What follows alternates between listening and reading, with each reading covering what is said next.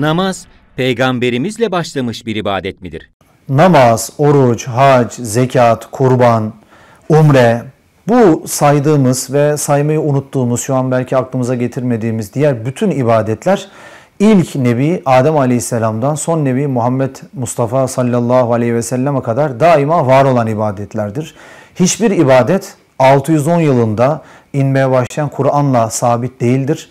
Namaz tarihiyle ilgili ayetlere baktığımız zaman namazın Adem Aleyhisselam'la birlikte var olduğunu net bir şekilde görebiliyoruz. Zaten Şura suresi Kur'an-ı Kerim'in 42. 42. suresinin 13. ayetinde Cenab-ı Hak bizim dinimizde şeriat olarak var olan hususların Nuh Aleyhisselam zamanında da İbrahim Aleyhisselam, Musa ve İsa Aleyhisselam zamanında da var olduğunu söylemiştir.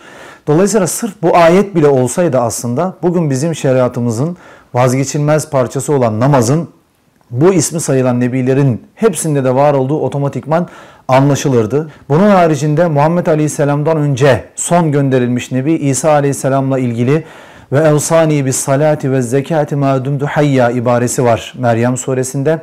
Yani buyuruyor ki İsa Aleyhisselam ben hayatta olduğum sürece, nefes alıp verdiğim sürece Allah namazı ve zekatı bana emretmiştir. Ondan önce Musa Aleyhisselam'a Cenab-ı Hak daha ilk vahide İnneni enallahu la ilahe illa ene fe'budni.